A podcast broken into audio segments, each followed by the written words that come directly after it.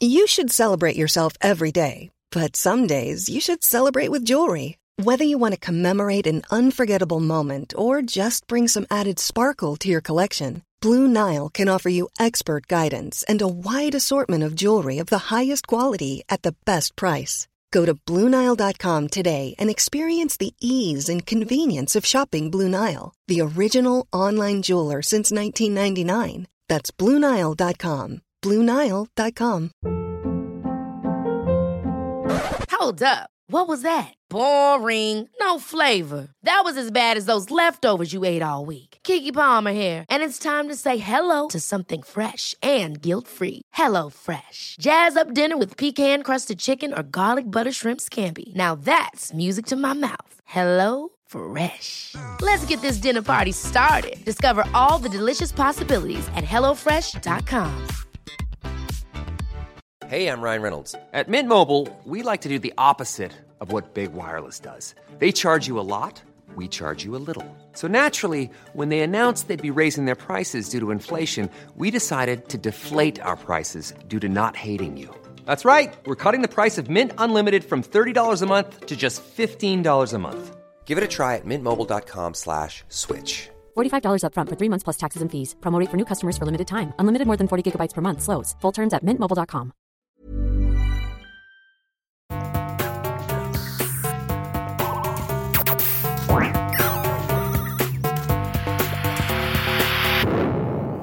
Velkommen til Sinnsyn. Jeg heter Sondre Risom Livre, er psykolog, og dette er Webpsykologens podkast. Hverdagspsykologi for fagfolk og folk flest.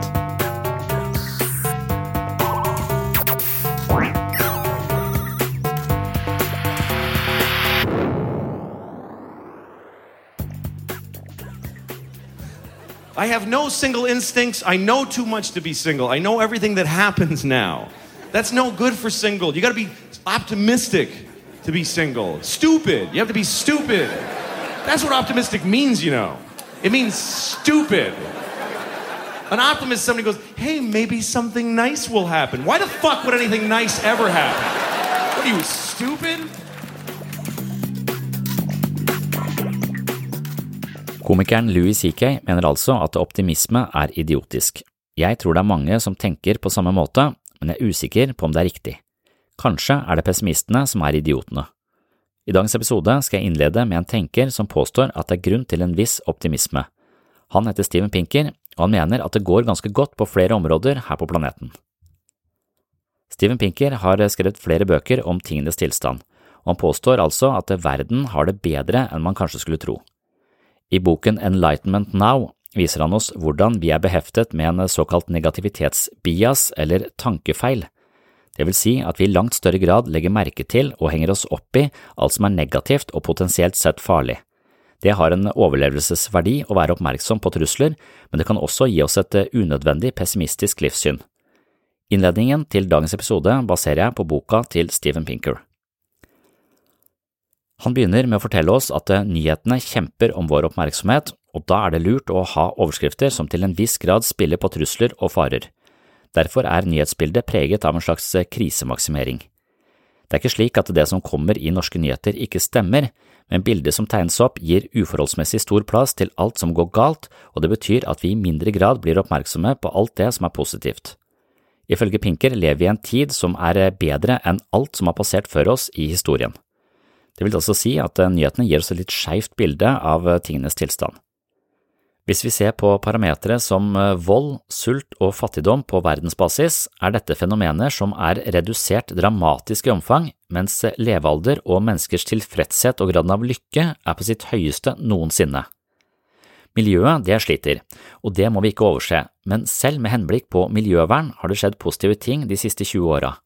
I løpet av de siste 20 årene har vi redusert forurensningen ganske mye, så istedenfor panikk og fortvilelse er det grunn til en viss grad av optimisme dersom utviklingen går i samme retning som den har gjort i senere tid. Ved å se på nyhetene og følge med på det som foregår rundt omkring i verden, så kan man få en fornemmelse av endetid, dommedag og en slags apokalyptisk fornemmelse for alt som skjer i verden. Det er jo krise på krise på krise, og det at verden nå står i fare for å kollapse i kaos og undergrunn, det er nærliggende å tro hvis man eh, er en nyhetsjunkie. Men ting er ikke akkurat som du tror, verken i Andeby eller på stedet der du bor. De havna på tjukka nyhetsene, men det blir ikke fortalt til leserne. For ting er ikke alltid akkurat som du tror I Andeby eller på stedet der du bor Årsaken til at menneskeheten har klart å forbedre seg på en rekke vesentlige områder, mener Pinker handler om opplysningstiden. Opplysningstiden løftet oss ut av langt mørkere epoker ved å vektlegge vitenskap, fornuft og humanisme. Opplysningstiden startet i første del av 1800-tallet og representerte en motvekt til terror, paranoia, overtro og ignoranse som herjet menneskeheten før dette skillet. Før opplysningstiden trodde man at uvær skyldtes hekser eller sinte guder, i skogen bodde det monstre og onde skapninger, og tusenvis av mennesker ble uskyldig dømt, torturert og drept i Guds navn. På denne tiden levde mennesker under et jernteppe av uvitenhet, fiendtlighet og stammementalitet. Ved å fokusere på vitenskap ble mennesket gradvis mer interessert i kunnskap, spesielt kunnskap som angikk mer eller mindre universelle trekk hos mennesker. Tidlige versjoner av nevrovitenskap, psykologi og antropologi så dagens lys, noe som videre banet vei for humanisme. Dette ga mennesket en sekulær måte å forstå seg selv og andre på, og denne forståelsen ga rom for en annen respekt for menneskelivet og den enkeltes gjøren og laden. Før dette hadde religiøse dogmer og fordommer sørget for blodbad, korstog og massedrap, men humanismen kunne nå tilby et annet utgangspunkt for moral og etikk som ikke aksepterte denne typen morderisk fremferd. Humanismen la også grunnlaget for det som gjerne kalles for eh, kosmopolitisme. En eh, kosmopolitt, eller en såkalt verdensborger, hviler på en mentalitet som inntar et større perspektiv på tilværelsen og menneskeheten. Kosmopolitisme er en avvisning av stammementalitet og den mer fiendtlige og proteksjonistiske holdningen mellom ulike grupper. En kosmopolitt ser på alle mennesker som et barn av den samme verden, og selv om de har en annen hudfarge og vokste opp i et annet land, har alle mennesker likeverdige rettigheter. Det er altså en eh, langt mer egalitær og inkluderende holdning som ser dagens lys. Grensen mellom oss og dem viskes i større grad ut, og vi nærmer oss en langt mer global mentalitet. Kosmopolitisme har mange fordeler, og Steven Pinker nevner spesielt at eh, faren for entropi reduseres. Han forklarer at et lukket system alltid vil være sårbar for eh, krefter utenfra, mens et mer åpent system, med et bredere nettverk av relasjoner og møtepunkter, har langt større motstandskraft. Entropi er beskrevet i termodynamikkens andre lov, og den forteller oss at et lukket system til syvende og sist vil gå til grunne som følge av ytre krefter. Pinker forklarer dette ved hjelp av analogien til et sandslott. Hvis du bygger et sandslott på stranda og forlater det, vil vær, vind, tidevann, dyr eller andre mennesker på et eller annet tidspunkt ødelegge slottet. Små, lukkede samfunn som kriger mot andre små, lukkede samfunn, vil være utsatt for nettopp denne entropien som fremgår av eh, termodynamikkens andre lov. Når vi tilstreber en verden som ikke setter opp grenser og definerer forskjeller, men snarere inntar en mer global innstilling, handler fritt over grenser, samarbeider om fellesmenneskelige utfordringer osv., blir selve verden et system som er langt mer robust enn et sandslott og denne muligheten skyldes altså opplysningstidens tilretteleggelse for humanisme og deretter kosmopolitisme. Enkelte samfunnskritikere fnyser av dette resonnementet og begrunner sin pessimisme ved å skru på TV-en og se en nyhetssending. Kriminalitet, krig, sult, Trump, fiendtlige og misfornøyde subgrupper og fattigdom er daglig kost, men selv om verden fortsatt er heftet av denne typen problematikk, er det feilaktig å assosiere det til en negativ utvikling. Her bruker Steven Pinker nok en gang fysikkens lover for å forklare sin analyse. Han sier at en organisme, enten er et menneske eller et eh, samfunn eller en hel planet, ikke er et lukket system, og derfor kan systemet alltid jobbe for å unngå entropi, som altså betyr en bevegelse mot total ødeleggelse. Ved å koble seg på og hente energi fra ulike elementer kan en organisme vokse og etablere mer orden snarere enn å kollapse i kaos. Hvis vi løfter blikket høyt nok, kan vi se at verden er et system som fortsatt skaper mer kompliserte forbindelser og henter energi fra ulike steder, slik at vi generelt sett fortsetter å forbedre oss. Resten av boka til Pinker går ut på å vise oss eh, grafer og statistikker som understøtter dette poenget. Enten du ser på kriminalitet, lykke, velstand, likestilling og nesten alle andre målbare markører, ser vi hele tiden en positiv trend. Det gode livet har vokst frem i takt med opplysningstiden, og det er ingen grunn til å anta at dette går feil vei med det første. Selv om pandemi, Trump eller jordras på Gjerdrum og flyktninger i Moria synes å være tegn på det motsatte. Faenskap skjer hele tiden, og vi må ha som felles mål å avhjelpe disse problemene, og her er det altså grunn til optimisme ifølge Steven Pinker. Jeg leste Enlightenment Now ved årsskiftet 2020–2021, og da var det så mye Trump, QAnon og opptøyer i monitor at det var vanskelig å la seg overbevise av Pinker, men jeg tror han har rett. Jeg anser ham som en langt over middels smart tenker, og perspektivene hans er viktige og velgjørende når man føler at verden er i ferd med å kollapse. Jeg vil følge opp med noen konkrete eksempler fra boka til Pinker. Før jeg tar deg med til en samtale hvor jeg reflekterer mer over forholdet mellom det negative, det positive og vår tendens til å havne i litt snevre perspektiver på oss selv og verden rundt oss. Pinker snakker blant annet mye om levealder. Midt på 1800-tallet, da opplysningstiden så vidt var i anmarsj, var gjennomsnittlig levealder 29 år her på planeten. Det var faktisk dårligere enn hva man så når vi levde som jegere og sankere, for da kunne man forvente å leve til man ble 32 og et halvt år. Opplysningstiden bidro imidlertid til en kraftig økning i forventet levealder. Først og fremst var det nedgangen i spedbarnsdødelighet som løftet dette tallet dramatisk. Barn fikk bedre behandling ved fødsel, legene vasket seg på hendene og forsto mer av helsemessige faktorer i en sårbar fase, hvorpå mor også overlevde fødselen i mye større grad enn før. Statistikk er ikke så lett å forstå, men Pinker gjør denne jobben litt enklere for oss som ikke har eh, toppkarakterer i metodelære. Et godt bilde på forskjellene før og nå kommer frem når vi ser at en 30 år gammel person i 1845 kunne forvente å leve i 30 år til, mens en 80-åring i 1845 kunne forvente å leve fem år til. Når vi spoler frem til 2011, eh, kan en person på 30 år forvente å leve 52 år til, mens en 80-åring kan forvente å leve 9 år til. Dette er også en tendens som gjelder over hele kloden, og ikke bare i privilegerte i-land. I Etiopia for eksempel kunne en tiåring forvente å leve 34 år til i 1950, men i dag kan en tiåring fra Etiopia forvente å leve 51 år til. Alle disse folka, som selvfølgelig inkluderer oss, kan også forvente å leve et langt friskere liv enn før noe som i stor grad skyldes eh, vaksiner og det faktum at vi har eh, nærmest eliminert polio, meslinger, kopper og røde hunder. Tidligere var sykdom noe som rammet mennesker på tvers av ulike samfunnslag omtrent likt, men i dag vet vi mer om sykdom, noe som videre sørger for iverksettelse av en rekke forebyggende tiltak. Ettersom vi baserer oss på vitenskap og kunnskap, forstår vi verdien av å vaske oss på hendene, bruke myggnetting i afrikanske land og koke opp drikkevannet før vi drikker det. Det er også slik at antall mennesker som dør av sult er langt færre enn før. For 150 år siden kunne et norsk barn risikere å sulte i hjel i løpet av en lang vinter, og for bare 45 år siden var 35 av verdens befolkning underernært eller feilernært. Det tallet har falt til 13 prosent i 2015. Det faktum at jorda i samme periode huser fem milliarder flere folk, gjør dette tallet enda mer imponerende. Stephen Pinker fortsetter sin bok med hundrevis av eksempler som får deg til å se litt lysere på tilværelsen, og han konkluderer som følger.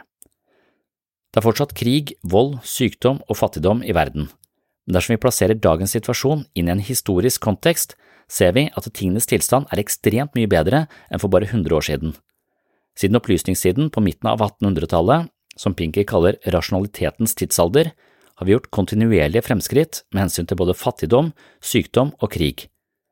Ved å redusere overtro, rasisme og krigshandlinger har vi forvandlet verden til et mye tryggere og mer opplyst sted enn det noensinne har vært. Nå skal du få være med til en refleksjonsrunde hvor jeg også snakker litt mer om Steven Pinker og ikke minst hvordan vi mennesker har en hang til det negative, tenderer til krisemaksimering og derfor inntar et litt begrensa og destruktivt syn på oss selv og tilværelsen for øvrig. Dersom du sliter med dystopisk depresjon i kjølvannet av enten Trump, covid-19 eller andre verdensomspennende katastrofer, kan det hjelpe å lese litt eh, Steven Pinker for å justere perspektivet. Pinker kan fungere som en slags sprøyte med optimisme, men selv sier han at han ikke er optimistisk, men realistisk. Psykologisk sett har nok mange av oss et problem med negativisme, eller det som kalles negativitetsbias med hensyn til oss selv, men våre selvkritiske tilbøyeligheter trenger altså ikke være så realistiske, og dermed kan det være avgjørende å bli litt mer opplyst, noe Steven Pinker er blant de største forkjemperne for. La oss høre litt hva han selv sier om denne saken før vi går videre. Yesterday, 137,000 people escaped from extreme poverty. That could have been the headline in the New York Times every day for the last 25 years. Why wasn't it? My name is Stephen Pinker, and that's one of the questions that I raise in my book, Enlightenment Now The Case for Reason, Science, Humanism, and Progress. Every day when we click on the news, we read stories of terrorism, war, inequality, crime, racism, pollution, the proliferation of nuclear weapons. It can feel crushing. It can feel that the world is spiraling out of control. Journalism gives us our picture of the world, but there are certain biases that are built into the journalistic enterprise. News is about what happens, not what doesn't happen. When something goes wrong, it's gripping. Bad is psychologically stronger than good. When something goes right, often it's nothing. It is a city that has not been shot up by terrorists. It's a country that's been at peace. Since they never count as news, no one will learn about them. If you think that the news has been getting more negative over time, uh, you're right. The major news outlets across the world have been getting steadily more negative over time, even as the objective state of the world has been improving. Let's go to the data, starting with the most precious thing of all life. For most of human history, life expectancy at birth hovered around 30 years. But today it is more than 70 years in the world as a whole, more than 80 years in the more fortunate developed parts of the world. 200 years ago, no more than 10% of people in the world lived above the line for extreme poverty. Today, more than 90% do. For most of human history, everyone was illiterate. Today, more than 80% of the population is literate. Fewer people are dying in wars.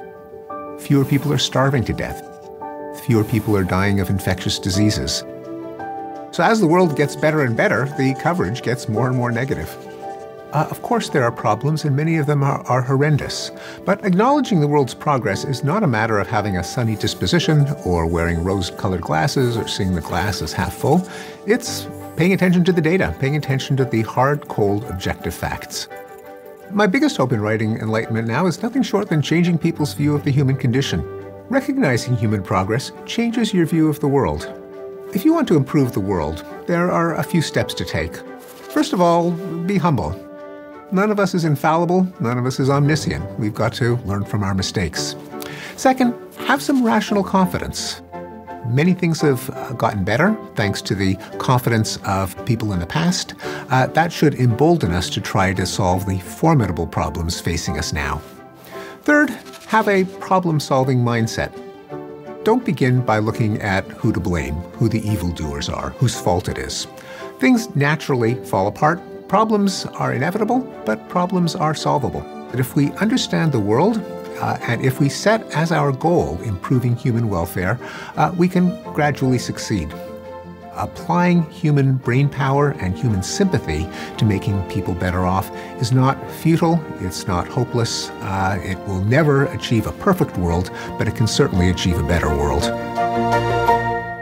Og så er det også sånn med menneskehjernen, da, eh, som er et annet aspekt ved dette kritikk og kritiske eh, personer, er at det, det er et slags forhold mellom det negative og det positive som er skeivt. Fordi at vi evolusjonært sett er eh, disponert for å legge merke til alt som eh, er feil, mangelfullt, kritikkverdig, ikke på stell. Fordi at det lønner seg å eh, legge merke til alt som ikke fungerer optimalt, for å korrigere det. Derfor så er vi innstilt på å legge merke til det som er feil, og i større grad overse det som fungerer, eh, fungerer godt. Og det, var, eh, det hadde en helt klar overlevelsesverdi eh, i steinalderen, eller før det kanskje. Altså at vi, vi, levde i en verden hvor det var flere farer. Det var mer en spis eller bli spist-verden. hvor det å legge merke til en skygge bak en busk, det var viktig. Og ikke tenke at ja, det er sikkert bare buska som blafrer i vinden, men tenker det der er helt sikkert en sabeltiger eller noe sånt noe. Eh, for det er bedre å anta at det er en sabeltiger eh, og oppdage at det ikke er det, enn å tenke ja, det er sikkert bare vinden og gå glipp av sabeltigeren som da dreper deg. Så, så, det er jo derfor vi har den tendensen og hangen til, det, eh, til å se det negative og potensielle farer. Men i en moderne verden så er det ikke fullt så farlig, sannsynligvis, men likevel så ser vi etter farer overalt. Eh, og, og noen gjør ikke det, men, men, det å ha angst, det er jo ofte å i høy grad legge merke til det som er negativt, eh, ikke bra nok. Og veldig ofte også å ha en psykisk lidelse handler om en slags eh, overdimensjonert alarmberedskap som hadde en overlevelsesverdi, men nå egentlig ødelegger livskvaliteten vår. For det er ikke behov for så mye alarmberedskap. Hvis det hadde vært behov for det, så hadde det jo vært akkurat der vi skal være. Hvis vi var midt i en krig, så hadde det vært lurt å ha den alarmberedskapen. Du hadde vært det mest velfungerende mennesket på planeten. Men når det ikke er krig, så er du plutselig psykiatrisk pasient isteden. Så Så, så, Det er derfor jeg mener at det, hvis man har veldig mye angst, så kan man bare flytte til et krigsherja land. For da er man akkurat der man skal være. Man, eh, man er, eh, da er man eh, optimalt justert for situasjonen. Hvis man da bor i et fredsland, så får man heller en diagnose og medisiner av, av fastlegen, som er vanedannende. det er ikke men, men det er interessant det der med med forholdet mellom det negative og det positive. For det, eh, jeg leste en bok av Roy Baumeister som handlet om dette, og han refererer det Gottmann, som vi snakket om sist, i forhold til å ha med parforhold og sånn. Så Roy Baumeister han mente at han, hadde, han levde i et parforhold med ei eh, dame han ikke var sånn helt fornøyd med, tror jeg.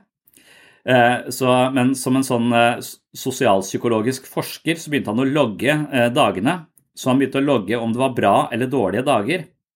Så han hadde bra dager, positive dager, negative dager og nøytrale dager.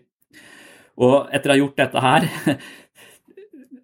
når, når, kona mi begynner å finne fram sånn logg, da begynner jeg å lukte ugler i mosen. Da, da, er du virkelig sammen med en eller annen sånn eh, sosialpsykologisk forsker som driver og logger relasjonen din.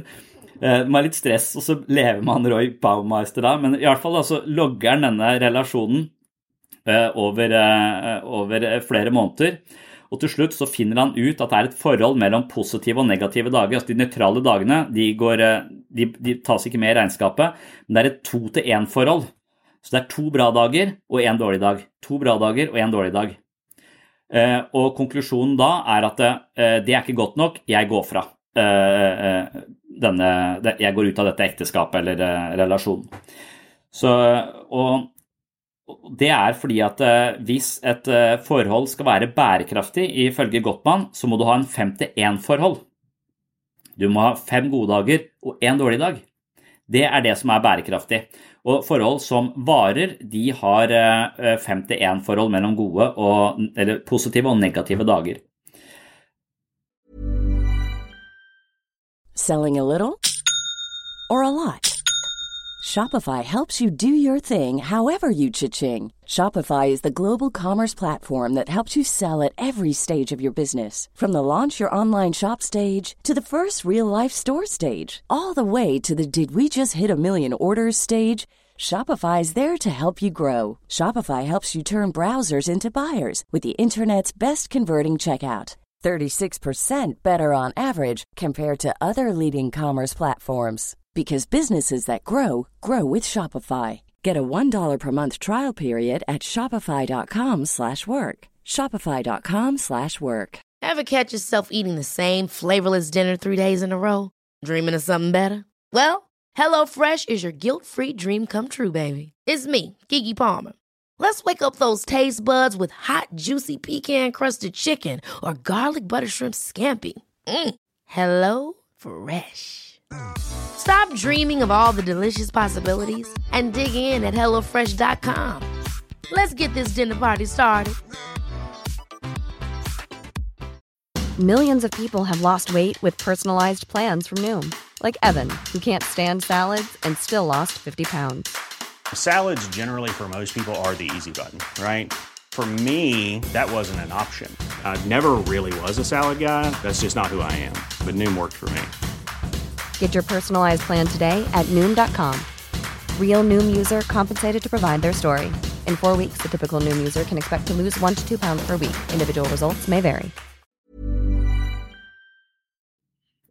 Jo, han, han, hvordan han kom frem til det uh, Dette er Gottmann sin forskning, og han er den personen, eller ekteparet Gottmann, da, de er de som har forsket absolutt mest på relasjoner uh, i, i, verden. Så de blir sett på som uh, så å si, ja, de som har absolutt mest kunnskap om parforhold, for de har et kjærlighetsrede hvor de har hatt tusenvis av par boende og det er som å bo i et sånt Big Brother-lokale, hvor de driver og rater eh, tonen i måten de snakker på, hva de sier, hvordan de reparerer konflikter osv. Så, videre, og så, så de har sittet og forska, altså bare observert parforhold i tusenvis av timer.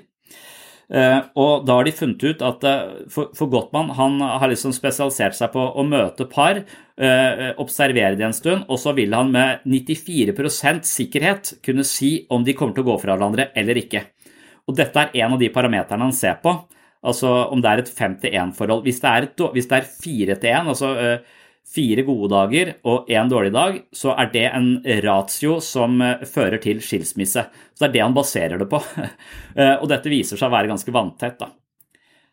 Så, men så vi er vi, For det at det er en negativ ting, det henger vi også opp i. Eh, og, og, vi har jo tidligere også snakket om perfeksjonisme osv. Vi har veldig høye standarder, og så er vi veldig oppmerksom på alt som ikke går eh, bra, og det har vi en tendens til å bare smøre utover hele livet, så vi lever i en sånn pøl av misnøye. da. Så, så vi er ganske sensitive for dette, dette, negative, og vi bør være oppmerksomme på at vi har det som kalles en negativitetsbias eh, som betyr at vi har negative tankefeller som gjør at vi overdimensjonerer det negative og ikke legger merke til, til, til det positive.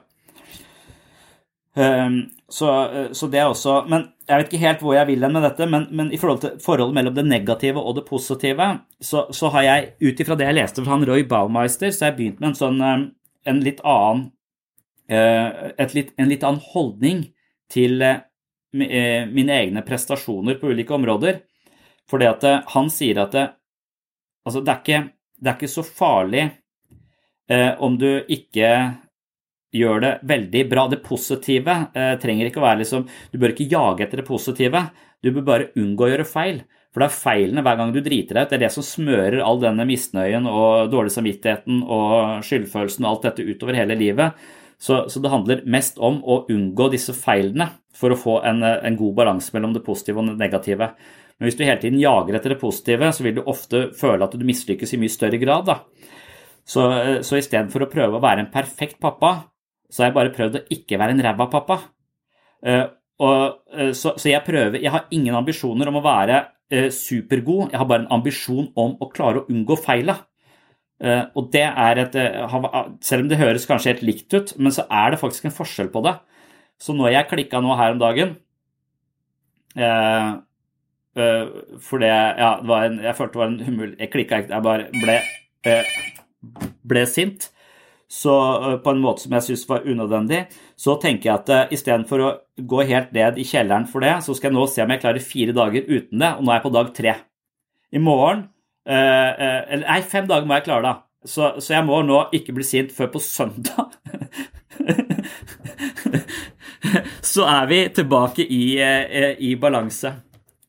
Men, men, det er et eller annet med det å egentlig være ganske fornøyd med bare å altså, Jeg blir jo en bedre pappa hvis ikke jeg har så høye standarder. For hver gang jeg har de høye standardene, som er basert på 250 selvhjelpsbøker på hvordan være en god pappa, som ligger strødd rundt i huset vårt, som ikke jeg har kjøpt uh, altså, Jeg har så mange målestokker, så uansett hvordan jeg er, så vil jeg ikke leve opp til alle disse målestokkene. Noe som er en forferdelig uh, dårlig strategi, egentlig. Så selvhjelpsbøker kan kanskje gi deg tips i ny og ne, men for mange av de kan jo totalt trykke deg ned. Altså, du har jo ikke kjangs til å leve opp til, eh, til de, de, tingene der sånn.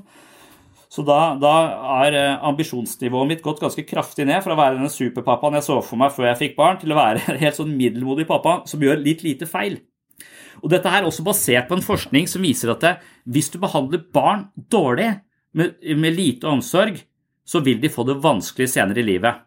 Men hvis du behandler de superbra med masse omsorg og masse oppmerksomhet, er støtten i alle sånne ting, så blir de ikke nødvendigvis så veldig lykkelige og øh, suksessrike likevel.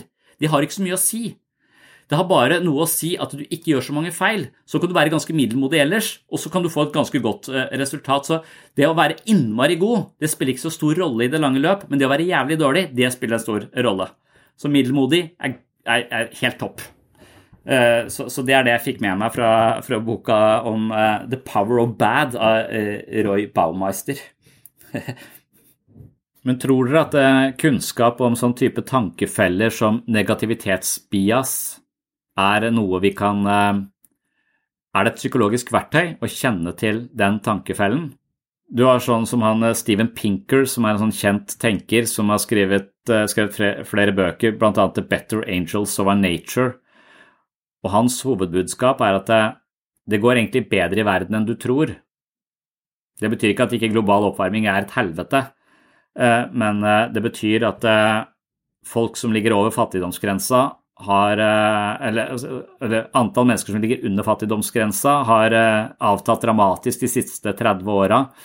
Altså, så levealderen til mennesker har økt betraktelig, så levestandarden har økt betraktelig. Mens pga. denne negativitetsbias, at vi er så hengt opp i å se det negative, så gjør det at eh, media også serverer oss eh, et litt skeivt bilde, fordi at de er nødt til å selge uh, aviser eller klikk, sånn at vi er nødt til å utsettes for fordi at vi, oppmerksomheten vår hele tiden peiles mot det som er potensielt sett farlig og vanskelig, da. så vi får et skakt bilde. Og det må vi kanskje huske på når vi hører på våre indre kritiske stemmer, at uh, hvis du er et normalt menneske, så har du tendens til å samle på de. Men de gir deg et skeivt bilde av hvem du er, og hva slags potensial du har. Den kunnskapen, hvis, hvis man liksom leser om det, og det er masse forskning på det, og man skjønner ok, kan det understøtte min påstand om at alt du tenker og føler er i beste fall bare litt riktig? Du må ta det med en klype salt. Og vil det hjelpe oss? Eller er vi så forbanna fundamentalistisk at vi tror på alt vår indre Trump sier, uansett hvor rasshøl vi innser at han er? Men hvordan vil det være tilbake igjen, da, hvis, du, hvis man sier det Altså, kom, hvor kommer dette fra? Vil, kommer det fra en person som altså, Noen mennesker trenger kanskje mindre bekreftelse på det de gjør, at de klarer å gi seg selv La oss si jeg har uh, eh, vaska huset og, og, tenker, og, og, er fornøyd med det, og at jeg og ikke trenger at uh, noen andre familiemedlemmer skal uh, poengtere det og bekrefte det for meg, at det, det, har verdi i seg selv. Og når de da påpeker at ja, men garasjen ser ut som, som det er bomba, så er det bare ja, det jeg glemte av garasjen. Takk for informasjonen. Fordi at jeg Eller jeg, jeg vet ikke helt um, hvis, hvis, du er kritisk, hvis du gjør det samme tilbake igjen, er de mottakelige for det? Er det, er det lett for de å, å ta, liksom? Eller, eh, eller er, de, er, de, sånne mennesker som ikke trenger bekreftelse på noe av det de gjør, bare fordi at de hviler så mye i seg selv, og derfor så tenker de at andre heller ikke trenger den bekreftelsen, så de glemmer å anerkjenne det som er bra, og heller hele tiden påpeke det som er dårlig, eller? Det er sånn Fint, fint du har vaska? Ja, det veit jeg vel. Jeg trenger ikke å si det. ja. Men jeg bare tenker på uansett, hvis du er en person som hviler helt i deg selv, ikke trenger så mye bekreftelse på det du selv gjør, og dermed antar at det andre heller ikke trenger det, så mangler du fortsatt mentaliseringsevne. Og det er et eller annet sånn Men vi, vi er, hvis du er et relasjonelt vesen, så har du en, et behov for betydning for andre, og du vil trives i at uh, det at du, du, du, kan gi andre en betydning, og de kan ha en betydning for deg, og at den betydningen må uh, skal si, konsolideres eller påpekes innimellom. Det er det som styrker relasjonen. Så hvis man tenker på seg selv som helt sånn selvforsynt, jeg trenger ingen tilbakemeldinger, uh, og dermed så tenker jeg vel at andre også jeg nærmest anerkjenner deg som et sterkere menneske enn det du er, ved ikke gi deg tilbakemeldinger på det positive, for det anser jeg at du kan klare sjøl. Det er en tanke som har slått meg, faktisk. At det kan være noe anerkjennende i å ikke Men ja, men det er så subtilt, for at med en gang du begynner å skryte av folk også, eller gi dem positive tilbakemeldinger, så er det plutselig litt sånn eh, kommer den transaksjonsanalytikeren inn i meg igjen. At eh, du skal være ganske sånn oppriktig og ekte og sånn ah, faen, det var bra. Altså, du skal kjenne det. Hvis du gjør det bare, så, så, er det lett at du setter deg litt over og kikker litt ned. Ja, ah, det er fint. Klappe litt på skuldra. liksom at det, det å skryte er også veldig sånn sensitiv, eller anerkjenne og bekrefte andre er mye bedre ord. Skryte av de høres Det blir ofte litt sånn ovenfra og ned, men det å vise at man anerkjenner, og kanskje ikke det trenger å verbaliseres engang. Men at hvis man bare skjønner at jeg setter pris på det, det Men det må formidles, liksom. Eh, for å, for å bekrefte kontakten vi har. Så det å påstå at eh, ja, men jeg trenger ikke noe selvbekreftelser, eller jeg trenger ikke bekreftelser selv, så anser jeg at du ikke også trenger det. Det er jo litt sånn distansert og kaldt og litt sånn nærmest litt sånn autistisk, eller? Det gjør deg liksom sårbar da trenge noe fra noen andre, samtidig som det er i samværet med andre at vi kan klare å skape mening i ting. Det å gjøre ting bare for oss selv, det er eh, vanskelig å, å, investere nok mening i et liv helt i isolasjon. Vi trenger på en måte å gjøre det i fellesskap. Så, men jeg er helt enig i at man, man, blottlegger kanskje en slags sånn sårbarhet ved seg selv idet man anser at man trenger den andres eh, bekreftelser. Men, men, så er jeg igjen opptatt av at Og, og der er nok mitt sånn nyttårsforsett, eh, og som er lettere for meg på nett, da, eh, det er at jeg, jeg har ganske mange varme følelser for andre mennesker ganske ofte, men jeg eh, unnlater å si de. Eh, for jeg tenker at de f.eks. i en terapeutisk sammenheng da, ikke nødvendigvis har så stor verdi, eller jeg skjønner jo at de har stor verdi, men det er lettere for meg å bare glemme de, for jeg leter etter sånne ulike mønstre og samspillsmønstre som er mer sånn som vi kan se på og, og forandre. Da. Derfor, derfor, så føler jeg kanskje at det er eh, det også For, for det, det, verste blir hvis du er en person som bare sier positive ting til andre for å gjøre det, altså ikke de mener det. Det er det jeg er så opptatt av at man hele tiden er oppriktig. Så, sånn at det, å bare jatte med noen eller, eller bare si noe for høflighetens skyld, hvor man egentlig ikke kjenner det ektefølt, det er veldig eh, Nei, det er veldig, veldig dårlig, og det er noen som gjør det, altså bare sånn Og det, du kjenner den overfladiske kvaliteten, liksom. Og dermed så, så, tenker jeg at eh, alt det jeg sier, det skal jeg kjenne og mene. Vel vite om alt jeg tenker og føler er feil, da, men jeg skal likevel kjenne og føle og mene det. Men jeg har mye å hente på å hver gang jeg kjenner og føler varme og gode følelser fra andre og er uh, imponert og, og fascinert, så kan jeg også uttrykke det. Men det ligger litt uh, Det ikke, ligger ikke helt tilgjengelig for meg. Eller sånn, det er ikke helt naturlig. Noe som er ganske kjipt. Jeg, jeg mener selv at, uh, at, jeg kanskje Jeg er ikke sånn utrolig opptatt av for mye sånn bekreftelse fra mine nærmeste. Eh, jeg trenger det selvfølgelig, men eh, jeg eh, trenger ikke den fem til én-ratioen. Derfor så har kona mi Hun serverer meg det ofte i det som denne klassiske sandwichen. Altså noe positivt, noe negativt og noe positivt. Og det, det funker på meg, da.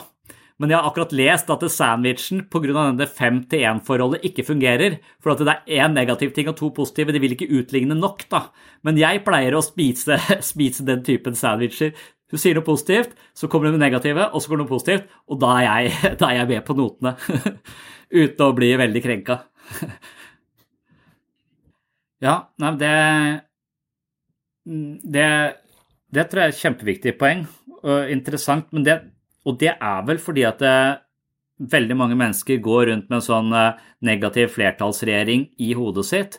Og hvis man da møter mennesker som snakker med en annen dialekt eller en annen stemme, som sier 'oi, jeg liker deg', eller 'så fantastisk' eh, eh, altså kommer med en sånn stemme, så er det som å eh, gå inn i den der hopen som står utenfor Capital og, og påstå at eh, Biden er det beste alternativet. Eller jeg vet ikke, du, du, snakker, du snakker plutselig imot hvis vedkommende er full av kritiske stemmer og ikke har noe har noe liksom demokrati inni seg, gehør for andre ting, og ikke klarer å ta det imot eller har noe sted å plassere det, så skjønner jeg, at da kan man liksom si sånne ting, og så kan man nesten bare føle seg avvist eller dum, da, som du sier. at og da, da, hva gjør man da? Altså Bare fortsetter man å hamre det inn da, for å prøve å overbevise denne negative flertallsregjeringen øh, og gi et eller annet rom i Kongressen for en annen stemme, eller hva, hva, hva gjør man? og er det ikke akkurat det som både skjer i enkeltmennesket. Altså at eh, du kan si noe til et enkeltmenneske som er positivt, og så har de en negativ flertallsregjering. Så de vil si at eh, den personen sier bare det fordi at den skal lure meg, eller den mener egentlig ikke, den sier det bare fordi den må, eller fordi den betal, får betalt for det, eller for å være et godt menneske. ikke sant? Så de mener egentlig ikke, så du mistror den positive stemmen. Det er jo å være konspirasjonsteoretisk anlagt. Altså, du, du, tror at alle de som sier at eh, Ja, vet du hva, den der ideen om at eh, Hillary Clinton eh, dreper barn, eller voldtar barn og drikker blodet deres for å bli, være evig ung, det er ikke sant. Altså, det Men ja, det sier du bare for at du skal glatte over. Det beviser at det er sant, for at du, du prøver å skjule denne konspirasjons... Det er jo det er vår egen indre konspirasjonsteoretiker som, som får lov til å kjøre løpet der. Ja, det det er vi må slutte å være konspirasjonsteoretikere i vårt eget. Eh, så ja, du sier du liker meg, det, det, det har du nok fått betalt for å si, eller det sier du sikkert bare fordi du eh, eh, Ikke sant? Det, det er den samme mentaliteten som vi ser i QAnon, eller hva, hva det skal være for noen rare ideer som eksisterer i verden. Det må, det må være konklusjonen på, på i dag.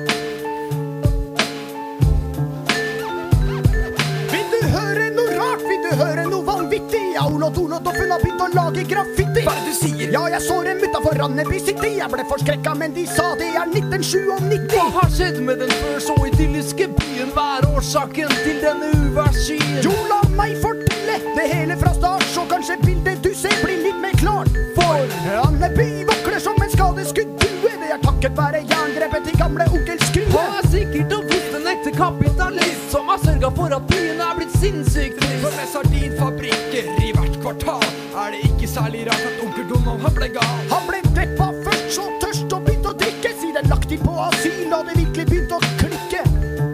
Har de noen gang prøvd å spreie? Har de noen gang prøvd å spreie?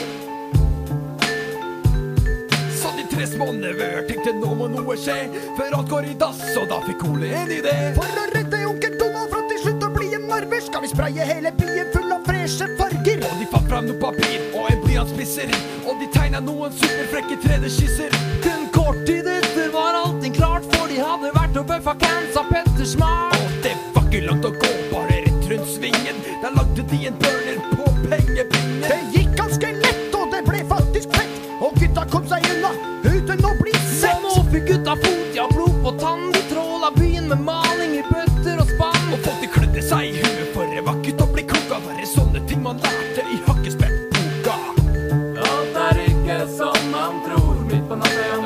Andeby når sover godt.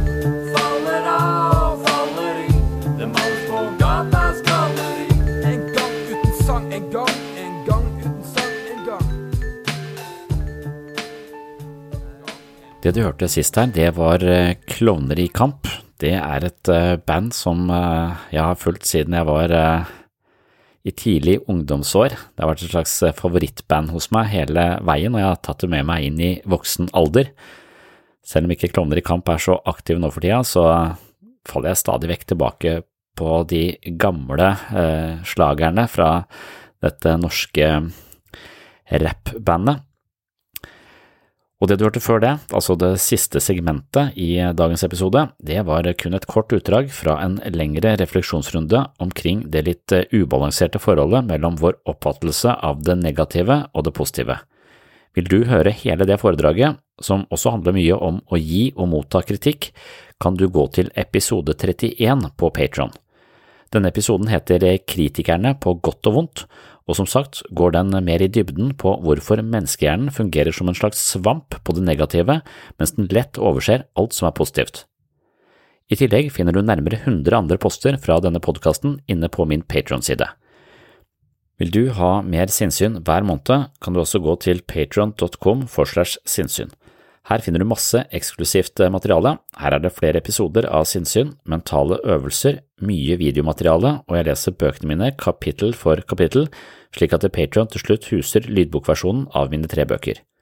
Hvis du finner verdi her på sinnssyn, vil ha mer sinnssyn hver måned og har lyst til å støtte prosjektet, slik at jeg kan holde hjula i gang her på podkasten, er et abonnement på Patron av stor betydning for denne podkasten. Du kan selv velge beløp per måned, og beløpet vil altså gi deg et medlemskap på mitt såkalte mentale treningsstudio. Jeg vil også benytte anledningen til å takke alle dere som allerede er Patron-supportere. Det er lyttere som dere som sørger for at lysa er på her inne på sinnssyn uke til uke, måned etter måned og år etter år. Det er kostnadskrevende på mange måter å drive denne podkasten, men jeg elsker å gjøre det, og med støtte fra Patron-lyttere kan jeg prioritere sinnssyn hver eneste uke, så tusen hjertelig takk for det. Det var det jeg hadde for eh, denne gang om eh, Steven Pinker og hvordan vi kanskje kan se litt lysere på tilværelsen. Det kommer en ny episode om eh, kun få dager, så stay tuned og på gjenhør!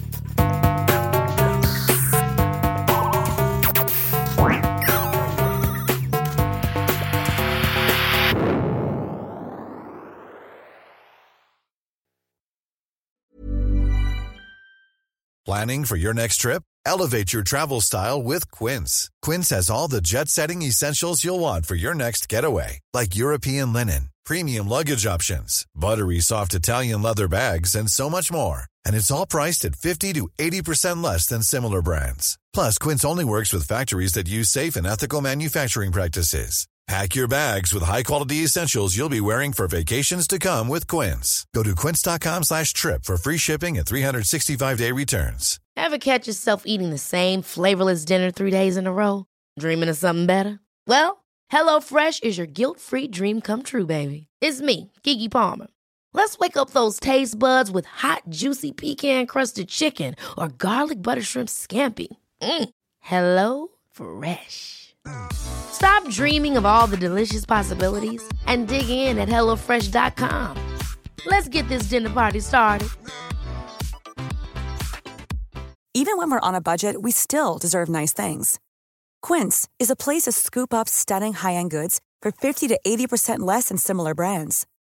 They have buttery soft cashmere sweaters starting at $50, luxurious Italian leather bags, and so much more.